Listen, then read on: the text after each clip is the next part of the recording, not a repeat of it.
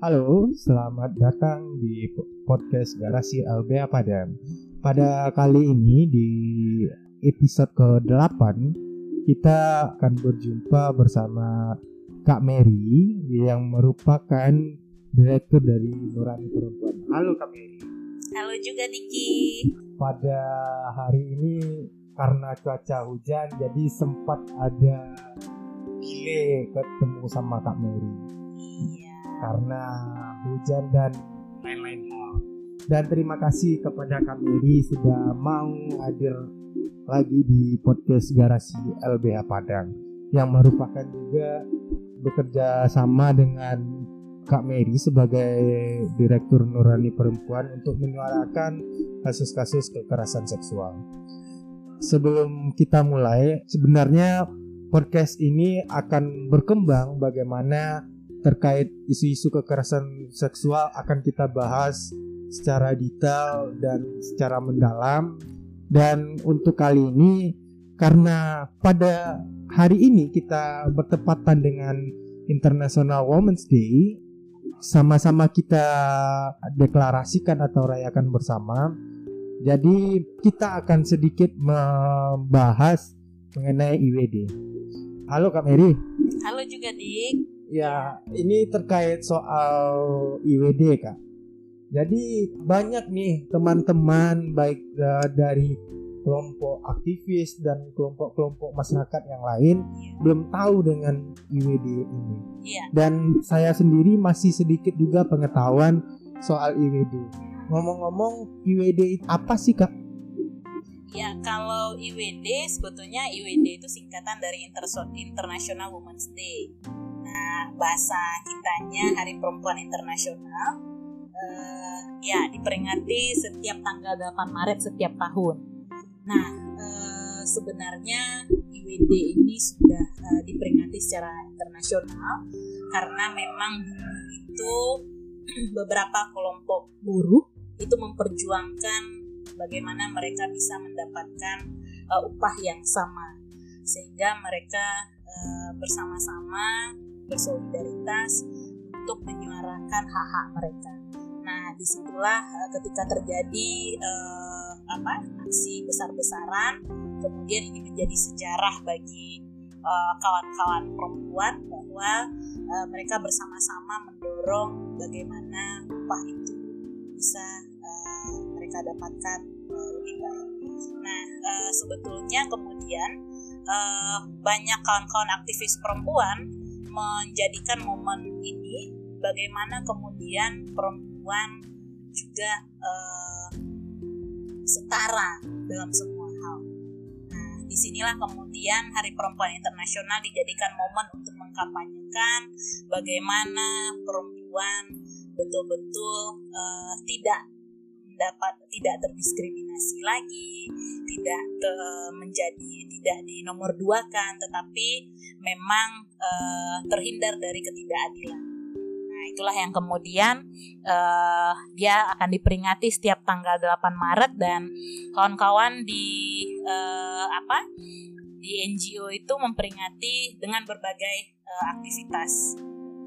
Tapi uh, di pada saat ini sudah sama-sama kita rayakan bersama dan itu sudah lintas gender ya kak?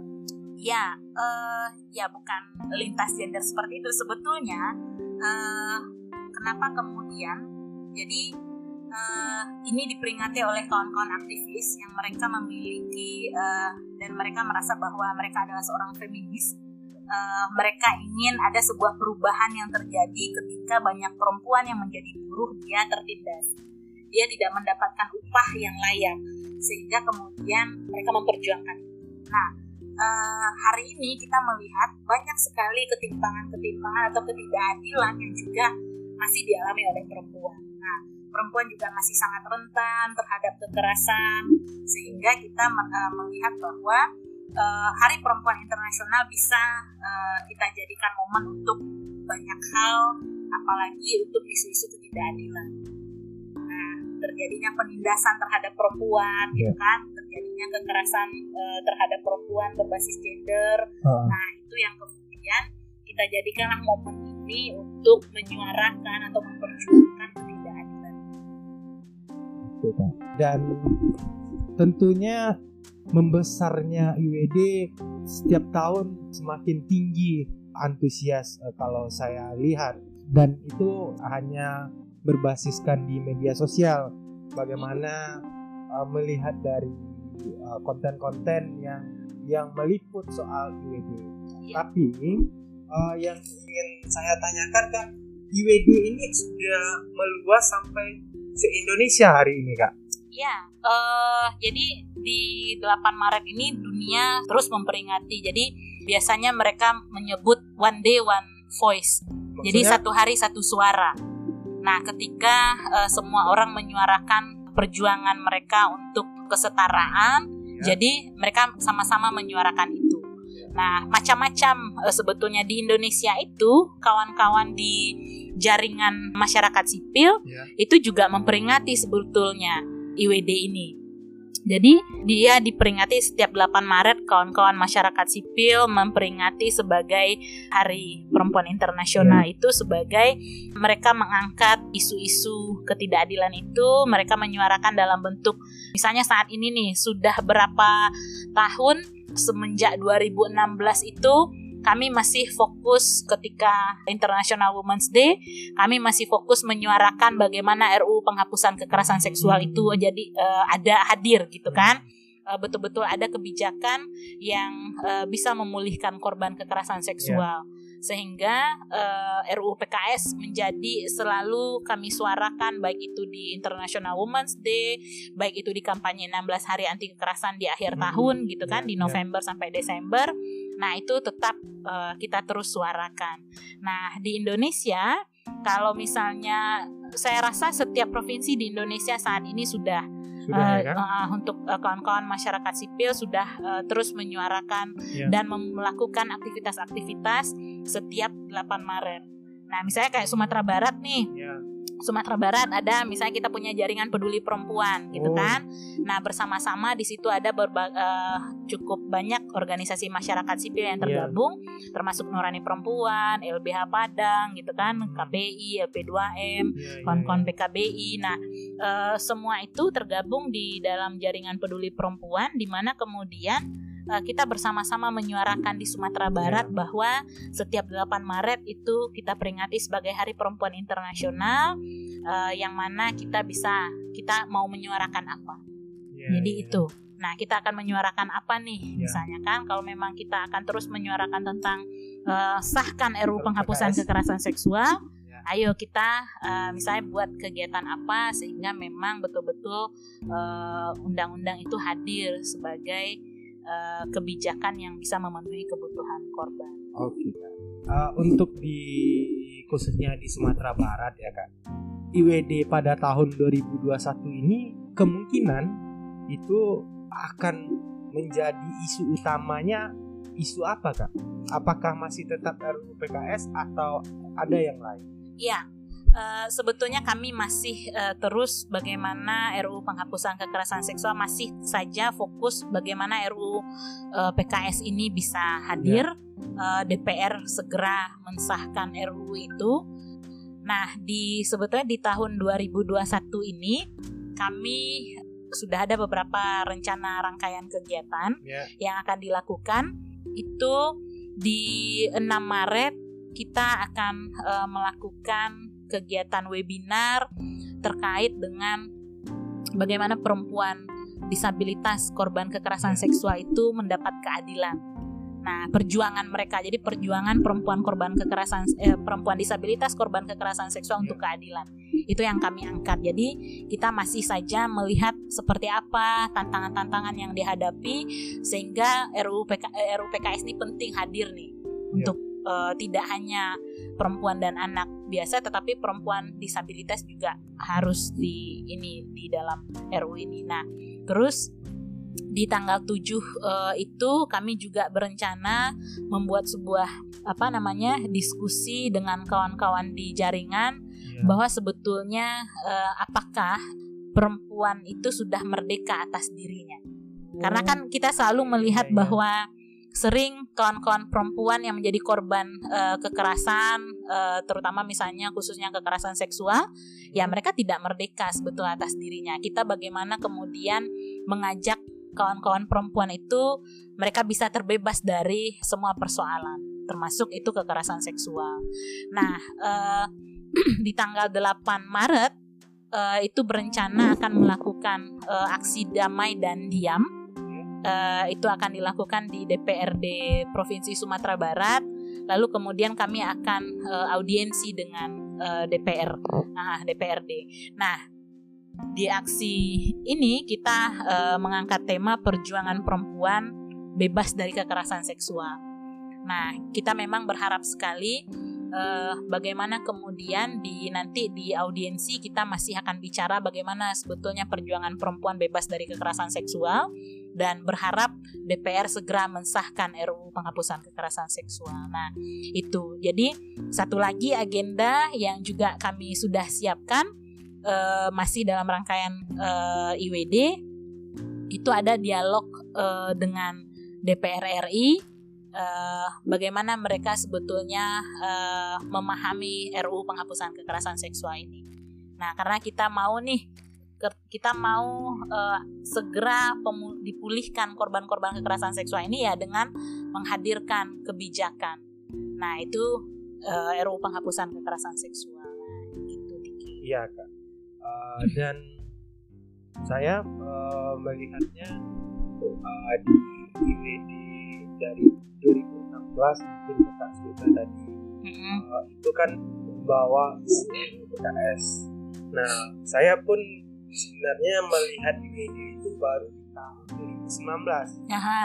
waktu itu kita melakukan aksi bersama di jalan Katib Sulaiman ya kan iya iya sebelumnya waktu itu di Pantai Kurik Aha. nah tapi saya tidak uh, bisa ikut uh, melihat semangat dari IWD itu wah uh, saya belum mengerti terlampau dalam substansinya, yeah. uh-huh. tapi melihat semangat uh, di dalam perjuangan RUU PKS ini cukup menarik dan uh, ada dinamika yang berbeda dengan perjuangan-perjuangan di isu lain. Yeah. Nah, kalau di IWD tahun ini uh, selain ada aksi, selain diskusi, banyak nih teman-teman yang belum tahu kegiatan-kegiatan IWD itu boleh nggak diikuti oleh orang umum kak? Ya tentu saja itu sangat boleh sekali karena kan harapan kita uh, sebetulnya mengapa kemudian kita terus melakukan uh, eh, IWD apa memperingati IWD ini setiap tahun karena sebetulnya kita juga berharap tidak hanya organisasi masyarakat sipil gitu yeah. kan. Harapannya itu pemerintah juga ikut terlibat. Boleh kak? Boleh. Harusnya kan ini milik kita semua kan. Yeah, yeah, yeah, nah yeah, harusnya pemerintah misalnya uh, siapa nih yang akan misalnya melihat kayak dinas pemberdayaan iya. perempuan. Yeah. Nah harusnya mereka membuat momen juga yeah. di International Women's Day gitu kan. Atau Karena buat agenda dunia sendiri. saja internasional saja yeah, mereka memperingati yeah, itu gitu okay, kan. Nah kita berharap sebetulnya pemerintah kita juga ikut terlibat dalam uh, menggaungkan ini sehingga orang bisa berpikir bahwa oh iya ya ada Hari Perempuan Internasional di mana di situ kita bisa melakukan banyak hal. Kita bisa mengkampanyekan banyak hal. Atau misalnya ada program-program pencegahan mungkin akan melakukan roadshow apa yeah. sepanjang uh, Hari Perempuan Internasional gitu kan. Nah, itu sebetulnya yang kita kita harapkan. Tetapi ya uh, apa ya ini terus menjadi tantangan kita ke depan yeah. kan uh, masih saja banyak uh, yang belum terlalu aware dengan isu-isu uh, ini untuk di IWD 2021 uh, kan ini dalam situasi uh, masih pandemi ya. kan? beberapa kegiatan tadi apakah dilakukan kegiatan secara offline atau online kak?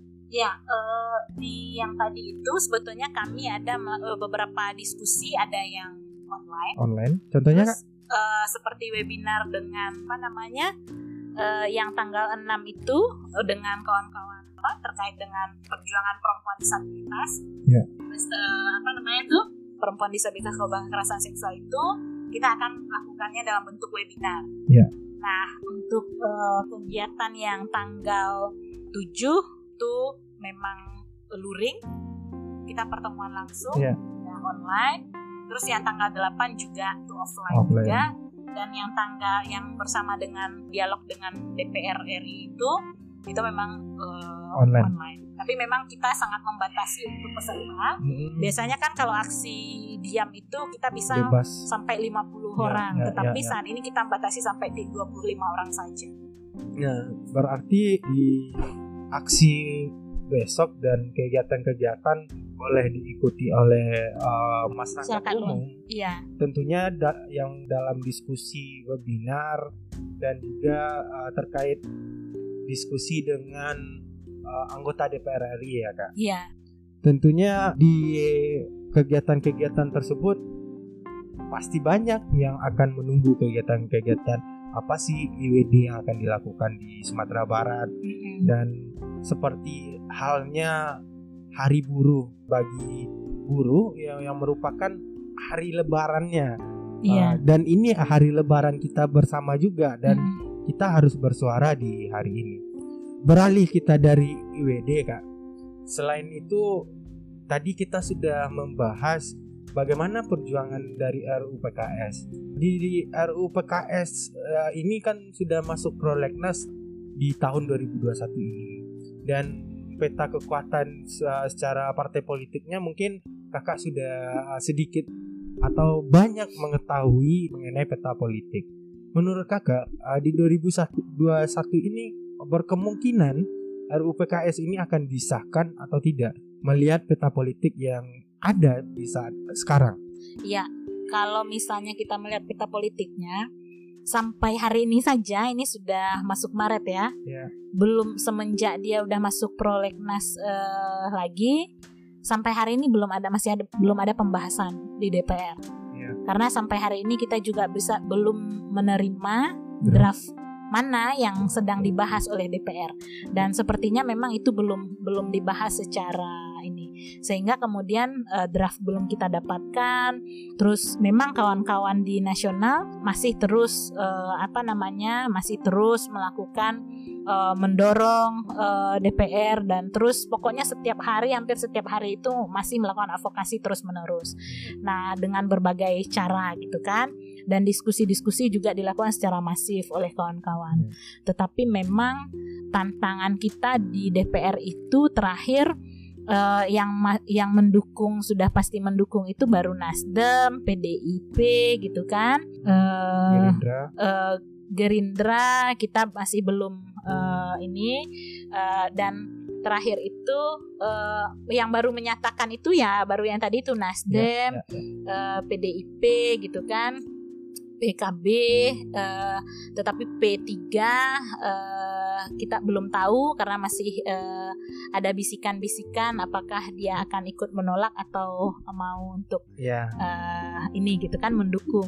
Nah, jadi masih banyak eh, yang belum memberikan dukungan sehingga kan karena ada dukungan apa namanya eh, anggota dewannya Ya. sendiri, ada fraksi, fraksi, ada ya. komisi, Komisi. gitu kan. Nah, ini yang kemudian juga eh, membuat menjadi eh, tantangan juga bagi kawan-kawan Ah, sehingga ketika misalnya secara pribadi dia mendukung tetapi Tapi- misalnya secara fraksi Ya, eh, ya. ya ini secara komisi gitu kan. ya. Nah, hal-hal ini yang kita lihat kalaulah misalnya di Juli masih belum pembahasan itu terjadi secara ini, belum ada perkembangan yang lebih baik, mungkin saja akan masih terus ke ri- 2022. Perjuangan yang sangat panjang gitu kan sama Iya. saat ini kan salah satu lagi yang masuk di prolegnas undang-undang PRT, Iya, RUU PRT. PRT gitu kan. Ah, Nah, ini kan perjuangannya juga sudah belasan tahun kan. iya. Nah, itu yang kemudian kita melihat karena yang tadi itu eh, masih saja kita mengalami tantangan di eh, peta politik seperti itulah yang terjadi saat Ya. ini. Ya, eh, kan dari 2016 sampai sekarang masih Iya. belum ada titik terang Terang. yang sangat terang ya kan. Ya, dan itu cukup lama juga sebenarnya. Tapi terkait itu kak, apakah dalam perjuangan ini kakak secara pribadi tidak merasa lelah kak? Ya, tentu tidak karena kita terus optimis bahwa RU ini akan bisa disahkan karena kan dari pengalaman kami di Nurani Perempuan setiap hari bertemu dengan para korban kekerasan seksual, uh, memang salah satu harapan untuk kita bagaimana uh, korban kekerasan seksual ini ke depan betul-betul terpenuhi hak-haknya uh, ya melalui kebijakan inilah gitu kan. Kita berharap sekali melalui kebijakan ini bisa terjawab beberapa persoalan-persoalan yang menjadi tantangan kita hari ini. Nah, tentu tanpa lelah walaupun ada apa namanya kekecewaan gitu yeah. kan, tetapi ya kita harus terus berjuang sebetulnya untuk uh, korban. Ya, kan uh, sebenarnya yang kakak jalani hari ini dan tentunya udah uh, berapa tahun mungkin sudah sejak lama kakak sudah berkecimpung di isu kekerasan seksual ini. Tentunya uh, melihat fenomena seperti ini uh, kakak terjun di isu-isu ini. Tentunya banyak yang dikorbankan kan kak? Apakah itu menurut kakak akan setimpal dengan kebijakan yang akan ada di suatu saat nanti utamanya tentang RUU PKS apakah akan setimpal dengan pengorbanan kakak itu ya yang penting saat ini kita tidak perlu membandingkan apakah kemudian itu sesuai juga dengan yeah. keinginan kita atau gimana gitu kan yang penting kebijakan ini hadir dulu uh, dan uh, harapannya tentu implement karena kan walaupun kebijakan ini sudah disahkan belum tentu juga implementasi langsung bisa uh, yeah. baik gitu kan banyak juga uh, yang harus kita dorong yang harus kita siapkan gitu kan mungkin saja juga beberapa hal yang sudah uh, terakomodir di dalam undang undang-undang ini bisa saja masih ada kelemahan gitu kan. Ya. Tetapi tentu harapannya itu adalah walaupun itu tidak setimpal atau apa gitu kan, yang penting harapannya itu memang pemerintah negara harus betul-betul hadir untuk korban ya kasus. untuk menangani kasus-kasus ya. kekerasan seksual ini. Dan tentunya mendengar itu cukup luar biasa sebenarnya dan bagaimana pengorbanan tentu baik waktu, baik tenaga, hal-hal yang lain yang mesti dikorbankan ya harus difokuskan kepada isu-isu kekerasan seksual ini. Nah, tentunya Kak Mary ya yang patutlah menurut saya untuk menjadi contoh bagi kita bahwa perjuangan itu tidak hanya sebatas perhitungan dengan uh, tenaga, waktu dan uang, tapi ada hal yang lain yang uh, kita ingin capai. Nah, uh, terakhir sebenarnya saya ingin menanyakan bahwa terkait soal kasus kekerasan seksual, di mana kasus kekerasan seksual itu kan ada sebab akibat, Kak. Tentunya akibat dari kekerasan seksual itu kan cukup berantai baik dari korbannya, baik dari anaknya dan keluarga di sekitarnya pasti akan merasakan uh, dampak atau akibat dari kekerasan seksual. Tapi banyak juga yang tidak mengetahui hal-hal seperti ini. Dampak atau akibat dari kekerasan seksual itu dari pengetahuan kakak apa saja yang dapat uh, diakibatkan oleh kekerasan seksual itu kak? Iya, uh, kekerasan seksual itu sebetulnya memang apa namanya kejahatan yang uh, sangat uh, buruk sekali dampaknya bagi korban karena ini uh, sepanjang hidupnya harus dia tanggung. Uh, misalnya di usia 4 tahun dia sudah menjadi korban perkosaan misalnya. Berapa tahun usia dia hidup? 60 tahun usia dia hidup misalnya. 56 tahun dia harus menanggung akibat. Aduh. yang pertama ada trauma yang panjang trauma tidak pernah akan bisa hilang yeah, di dalam yeah. hidup. Walaupun sudah mendapat pendampingan. Iya walaupun sudah mendapat pendampingan trauma akan terus ada di dalam dirinya. Yang paling dia bisa lakukan itu adalah bagaimana mengendalikan trauma. Yeah, yeah, misalnya ada ketakutan dengan laki-laki yeah uh, atau misalnya ada ketakutan dengan gelap gitu yeah, kan yeah. Uh, atau mungkin tidak trauma tidak hanya bentuk ketakutan tapi kecanduan misalnya yeah, dia yeah, bisa yeah, menjadi yeah. kecanduan seksual dengan usia yang masih sangat uh, muda. kecil iya. muda kemudian menjadi uh, mengalami perilaku seksual yang menyimpang yeah Nah, itu menjadi akibat yang cukup buruk juga sehingga kemudian uh, perempuan yang uh, punya persoalan dari kecil dan tidak mendapatkan pemulihan, kemudian uh, sudah berdampak pada dirinya dia merasa bahwa ada perilaku-perilaku yang menyimpang atau yang tidak normal di dalam dirinya. Itu sangat sulit sekali sebetulnya bagi perempuan itu untuk hmm. menjalani hidupnya.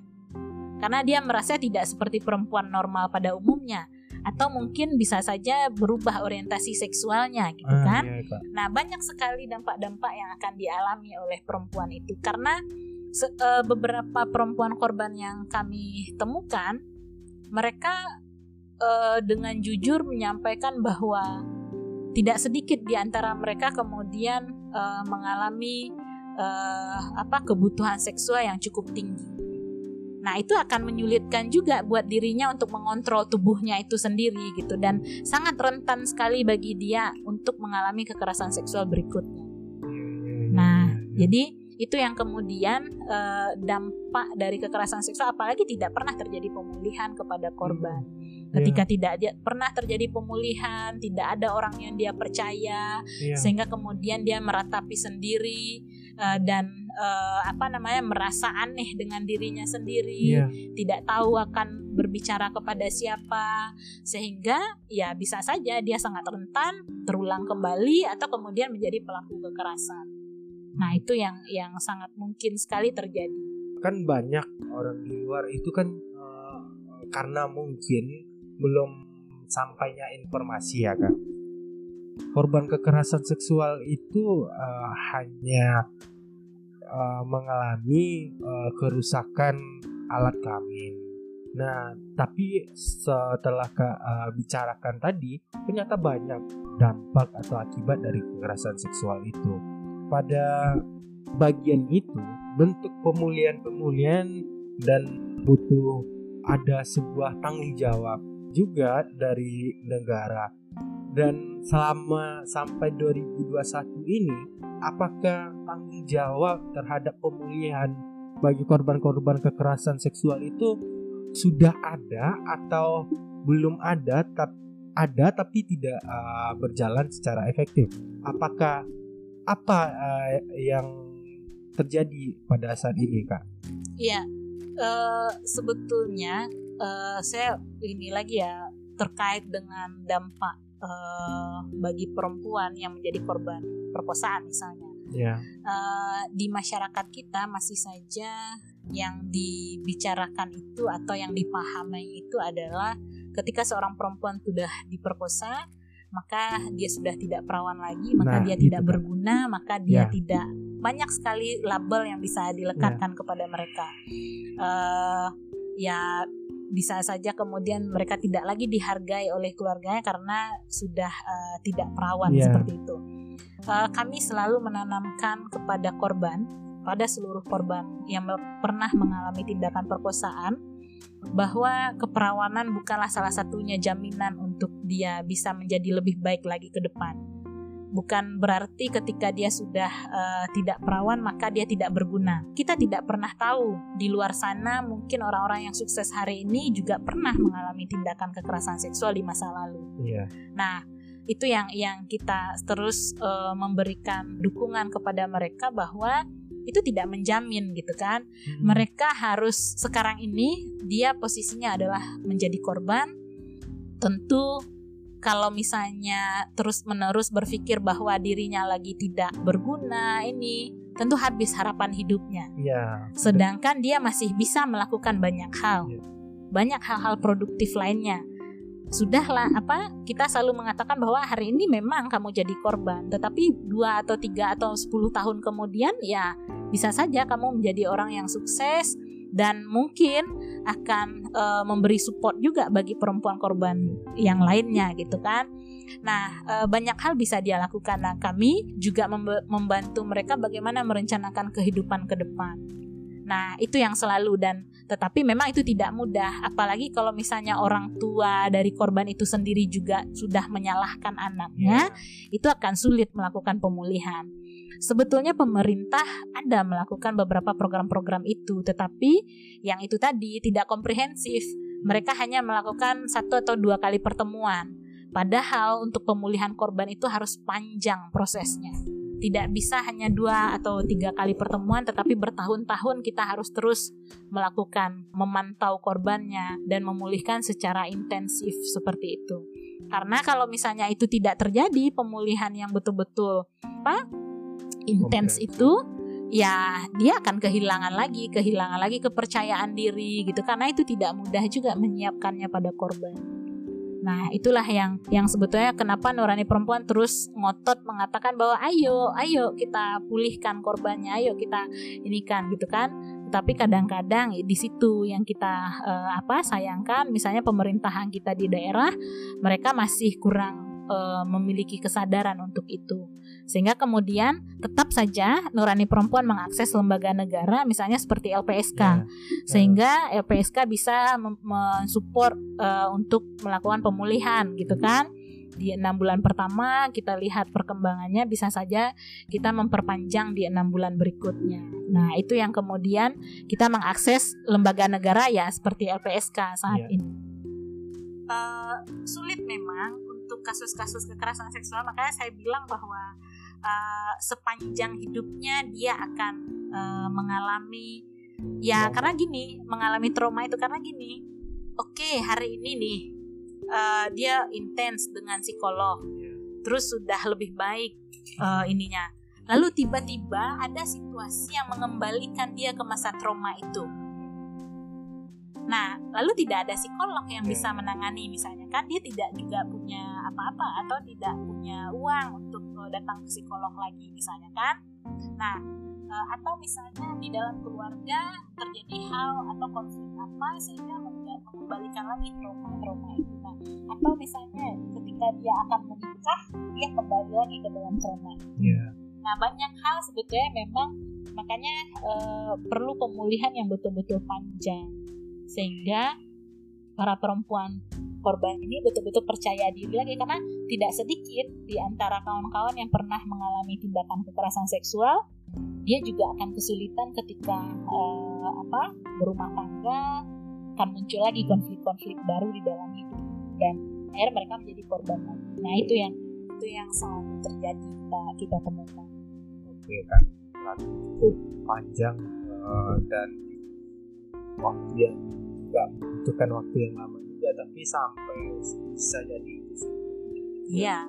Dan selain itu korban kekerasan seksual ini akibat dampak dari korban kekerasan seksual ini juga panjang sebenarnya.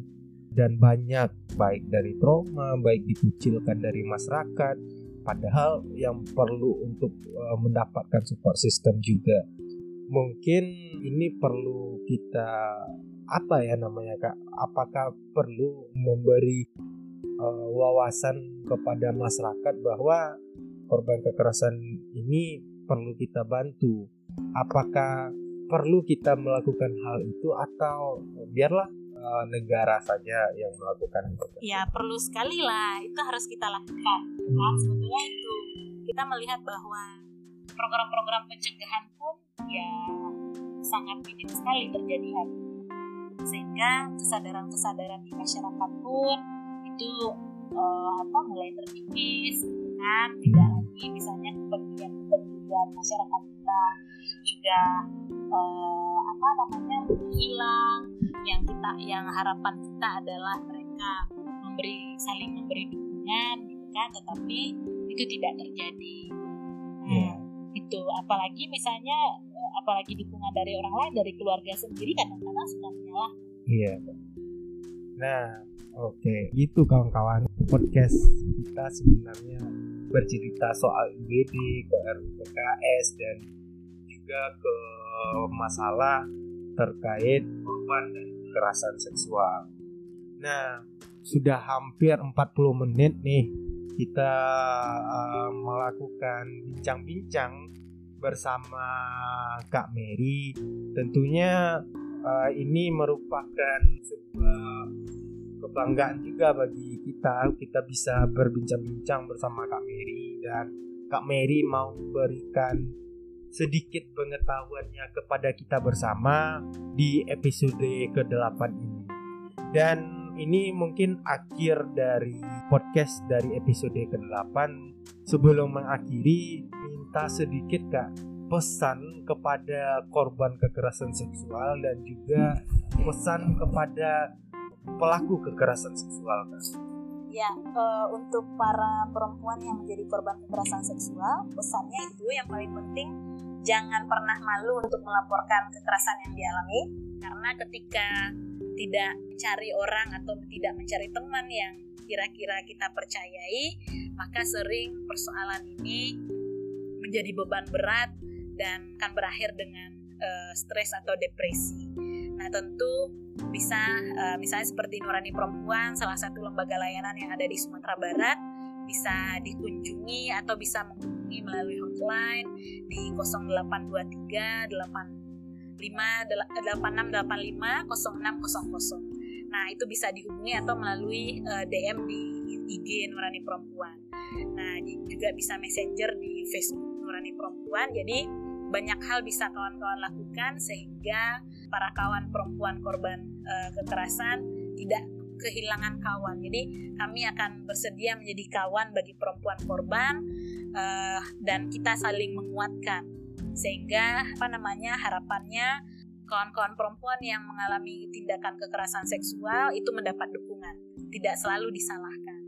Nah, untuk para pelaku ya harapannya e, tentu apa namanya tidak melakukan tindakan kekerasan seksual apalagi misalnya dalam relasi pacaran e, kalau memang sayang dengan pacar tentu tidak e, menyakiti atau tidak merusaknya seperti itu. Nah, itu harapan kita nah kepada para orang tua betul-betul menjaga anak e, tidak malah kemudian menghancurkan masa depan. Nah, itu sih yang bisa disampaikan. Ya, terima kasih Kak telah mau membagi ilmunya kepada kita bersama uh, dalam podcast kali ini Kak. Bagi kawan-kawan semua, ini merupakan bagian akhir dari podcast kita bersama Kak Mary. Nah, bagi kawan-kawan yang mau ingin menanyakan atau ingin berdiskusi langsung dengan Kak Mary, kalau Kak Mary-nya ada waktu pasti akan akan diladeni untuk diskusi. Uh, silahkan uh, datangi saja ke kantor Nurani Perempuan uh, yang berada di Ulak Karang. Selain itu, untuk podcast ke depannya uh, yang akan membahas isu-isu kekerasan seksual, mungkin bagi kawan-kawan yang ingin menitipkan pertanyaan uh, silahkan dititipkan pertanyaan uh, dan juga bagi kawan-kawan yang sudah mendengar terima kasih sudah mendengar dan akhir kata kami mengucapkan terima kasih dan wassalam.